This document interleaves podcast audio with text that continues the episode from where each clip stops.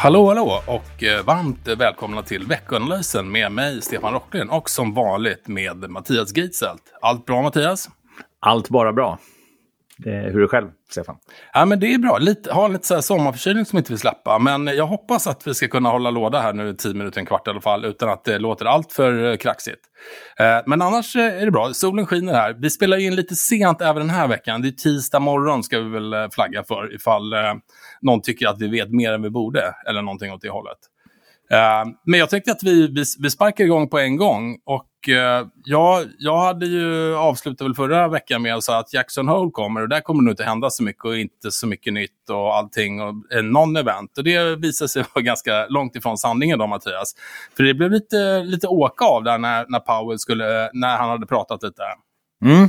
Ja, men det var precis. Det var ju, jag tror du var nog inte ensam om att tro att det kanske kommer bli lite som, som vi sa i förra veckan. Liksom, tror jag, att, att det kanske inte är samma kraftiga behov av liksom en, en lika stor höjning som tidigare.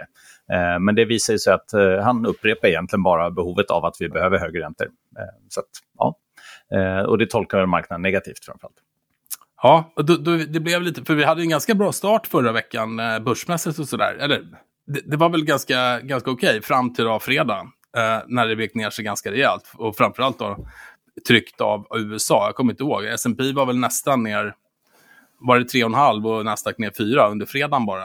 Mm. Om jag inte missminner mig. Japp, stämmer. Uh, nej, men det, det, är mycket fokus på, uh, ja, Jackson Hole brukar ju vara det, men framförallt centralbanken nu i det här läget när, när man stramar åt så pass kraftigt. Så att, uh, ja, det är nog, uh, det är nog en, en rätt reaktion. Efter en, en bra sommar så, så ska det komma lite, lite orosmoln här. och egentligen är det ju som, som vi sa, det är, inte, det är inte så mycket nytt, men vi vet ju att kommer det högre räntor så kommer det göra skada för både hushåll och företag. Det är ju så är. Skuldsättningen är hög i, i många olika segment.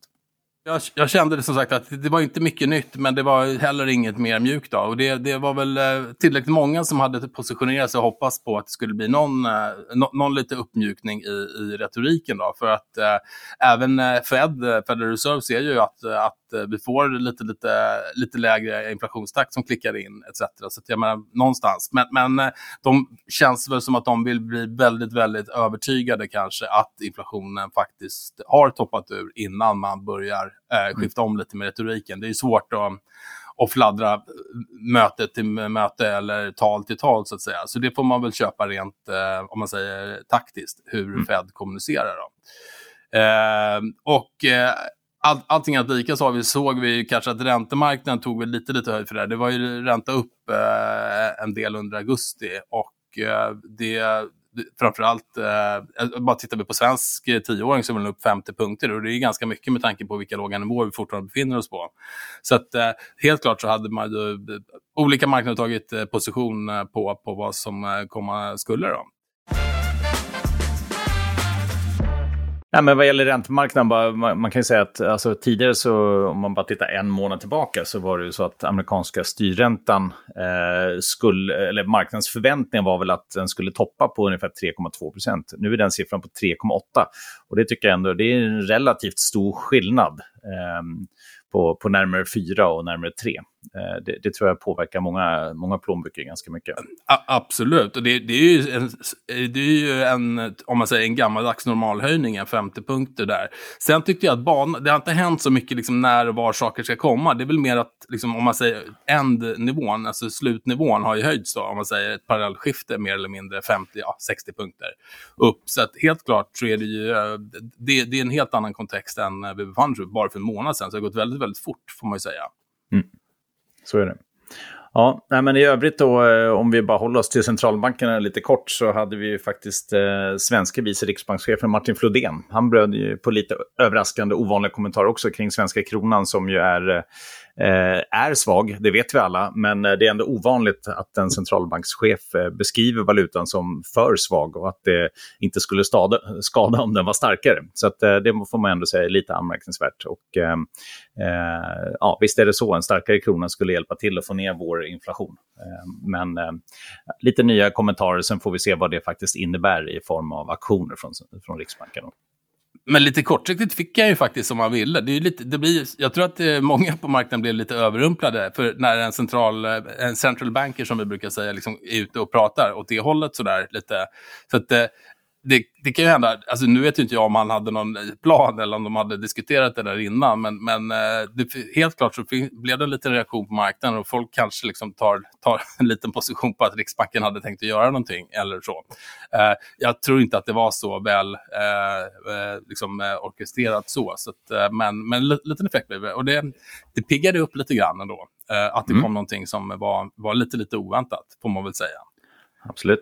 och tittar vi då typ då, det var Jackson Hole känns som var det enda som hände förra veckan. Men, men det kom väl lite annan statistik eh, sådär, som, som är värd att nämna, eh, känner jag i alla fall. Och eh, det kom lite mer husdata tror jag i USA. Vi hade, vi hade väl eh, eh Existing Home förra, förra veckan och vad var det som kom den här veckan då, Mattias?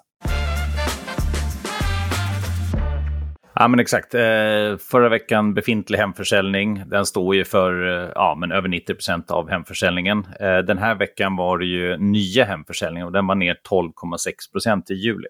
Så det här är ju ett kraftigt fall. Eh, närmar sig ju faktiskt bottennivåerna från åren efter finanskrisen. Eh, så det här får man ju verkligen, om man nu tittar på hur det ser ut, så, så har vi ju faktiskt eh, amerikansk hus, husmarknad, om vi tittar på husstarter sen toppen, 20% ner. Om vi tittar på befintlig hemförsäljning, 30% ner. Och sen det här kraftiga fallet, den nya hemförsäljningen. Eh, så det här har vi ett ordentligt ras faktiskt, eh, som eh, ja, men inte så många ändå har har, har sett, eh, i alla fall här i Sverige tror jag. Och eh, vad är anledningen? Ja, men väldigt åtstramande miljö. Eh, man får inte glömma bort, i Sverige så har vi då ofta en rörlig ränta på våra bolån. I USA ska du köpa ditt nya första hem och så gör det som en ganska många gör, att du väljer en 30-årig fast ränta, ja, men då hade du den i juni på hela 5,8 procent. Eh, nu har den eh, kommit ner lite från den nivån, men det, det är otroligt hög nivå eh, att ta på sig en sån, eh, den ränta under en, under en längre tid. Så där har det gått ganska fort faktiskt. Och så får vi se vad det eh, gör för, för börs och annat framöver. Det man kan säga allmänt är att absolut bostadsmarknad är en indikator för utveckling, men det finns många andra. Och det, det som kanske väger upp och som faktiskt ändå ser bra ut är ju en ganska överraskande stark arbetsmarknad. Eh, så det, det, det är väl det som, eh, som hjälper till. Och där får vi ju i veckan som kommer här nu ny sysselsättningsstatistik och arbetslöshetsstatistik från USA. Eh, och vi fick det från, eh, från, eh, svensk, eh, eller från svensk del fick vi det i förra veckan. Eh, och där kan vi bara notera att säsongsjusterat så föll arbetslösheten till 7 klart lägre än förväntat och eh, i juni så var den ju 7,6% Så eh, både USA så stark arbetsmarknad, i Sverige stark arbetsmarknad och faktiskt också i Europa där vi har en massa andra problem, men där är det också helt okej trend vad gäller arbetsmarknaden. Så det, det, får man ändå se som en, som en positiv del i det hela. Och för en del så kanske det känns lite, lite märkligt att det, att, det, att det kan skilja sig så pass mycket. Men det får man ju se att centralbanken, då, framförallt USA som du var inne på där Mattias, att de har inte bara, eftersom en normal eh, konsument eller någon som vill, vill in på bomarknaden och ta ett bolån, så är det ju att man får ta någonstans den ja, referensränta som centralbanken bestämmer, det vill säga den korta. Och sen har du hela räntekurvan på det. Det är därför det blir ganska, liksom, så mycket som vad sa du, 5,8 procent drygt mm. eh, på en 30-åring. Medan i Sverige får du bara effekten i, den korta änden, det säga ungefär vad Riksbanken kan kontrollera. Det blir inte så, så, så himla mycket mer. Eh, men, men det är ju det här centralbanken kan agera, medan så ändå eh, eh företag som vi har tittat på tidigare mår ju förhållandevis bra och verkar ha ett stort behov av att anställa folk och har också svårt att få tag i folk. Så jag menar, det, det, är, det är dyrt att, att låna till, till huset, men eh, man har fortfarande en, en stadig paycheck och, och jobb. Och eh, så nu sist är ändå det en, en väldigt, väldigt eh, viktig del för, för alla konsumenter där ute, självklart. Verkligen.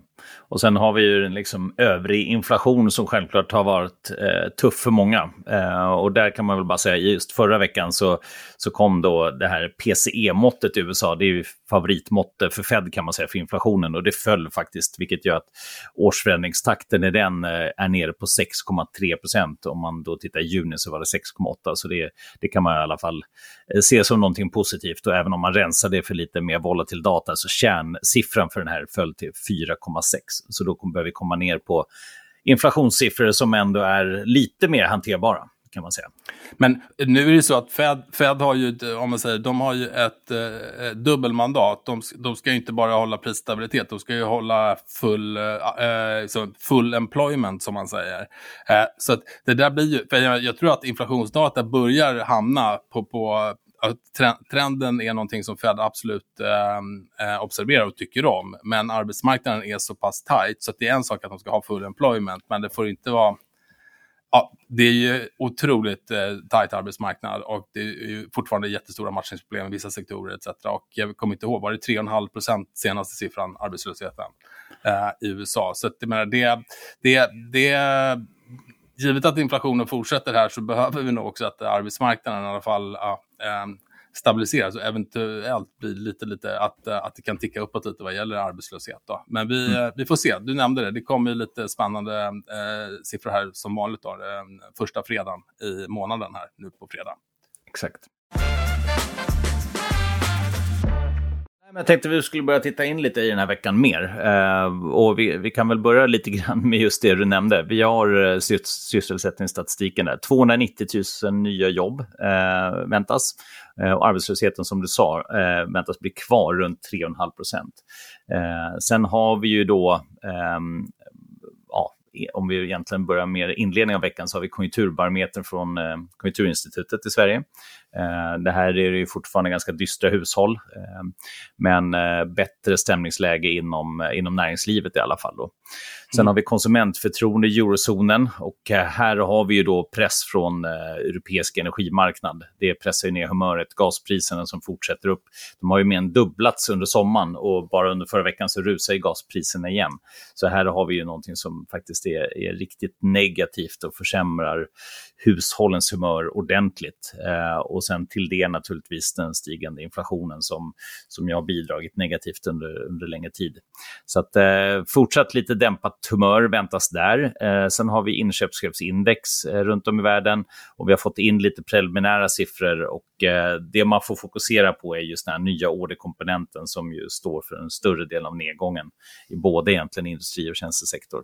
Eh, Eh, så det kan man nog räkna med tyvärr att inköpschefsindexerna, vi pratade om det förra veckan, de kommer sjunka lite till, det brukar gå ganska fort, förhoppningsvis eh, så, så går det fort över på ett par månader här, men eh, så är situationen just nu. Och vi ska väl säga det då, att eh, hittills har det varit väldigt mycket fokus, om du nämnde till exempel eh, gaspriser etc. i Europa, det har varit mycket fokus på att liksom in i vintern, det kommer bli tufft för konsumenter, det kommer bli kalla element etc.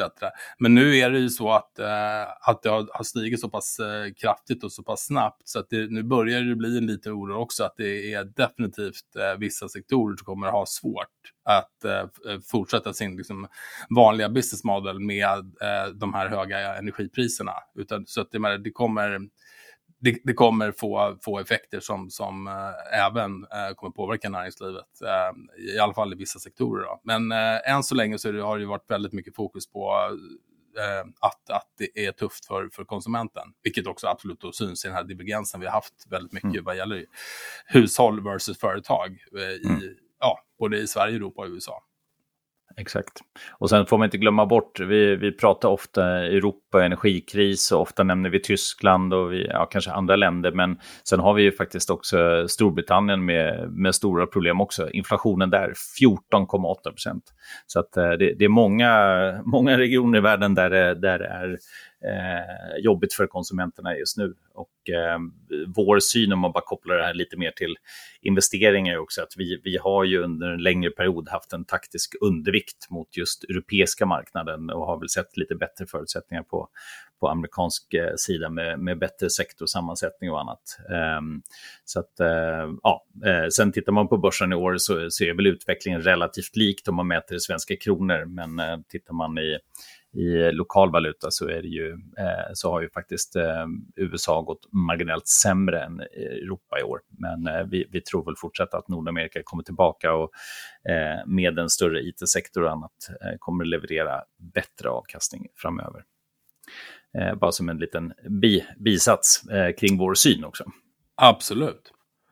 Absolut. Um...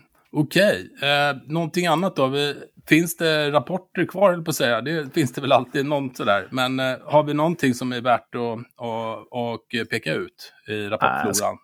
skulle säga nej faktiskt. Nej, ja, men det, det... Nej, men det, det, finns några eftersläntrare. Det, det är mindre bolag som man eh, knappt känner igen så.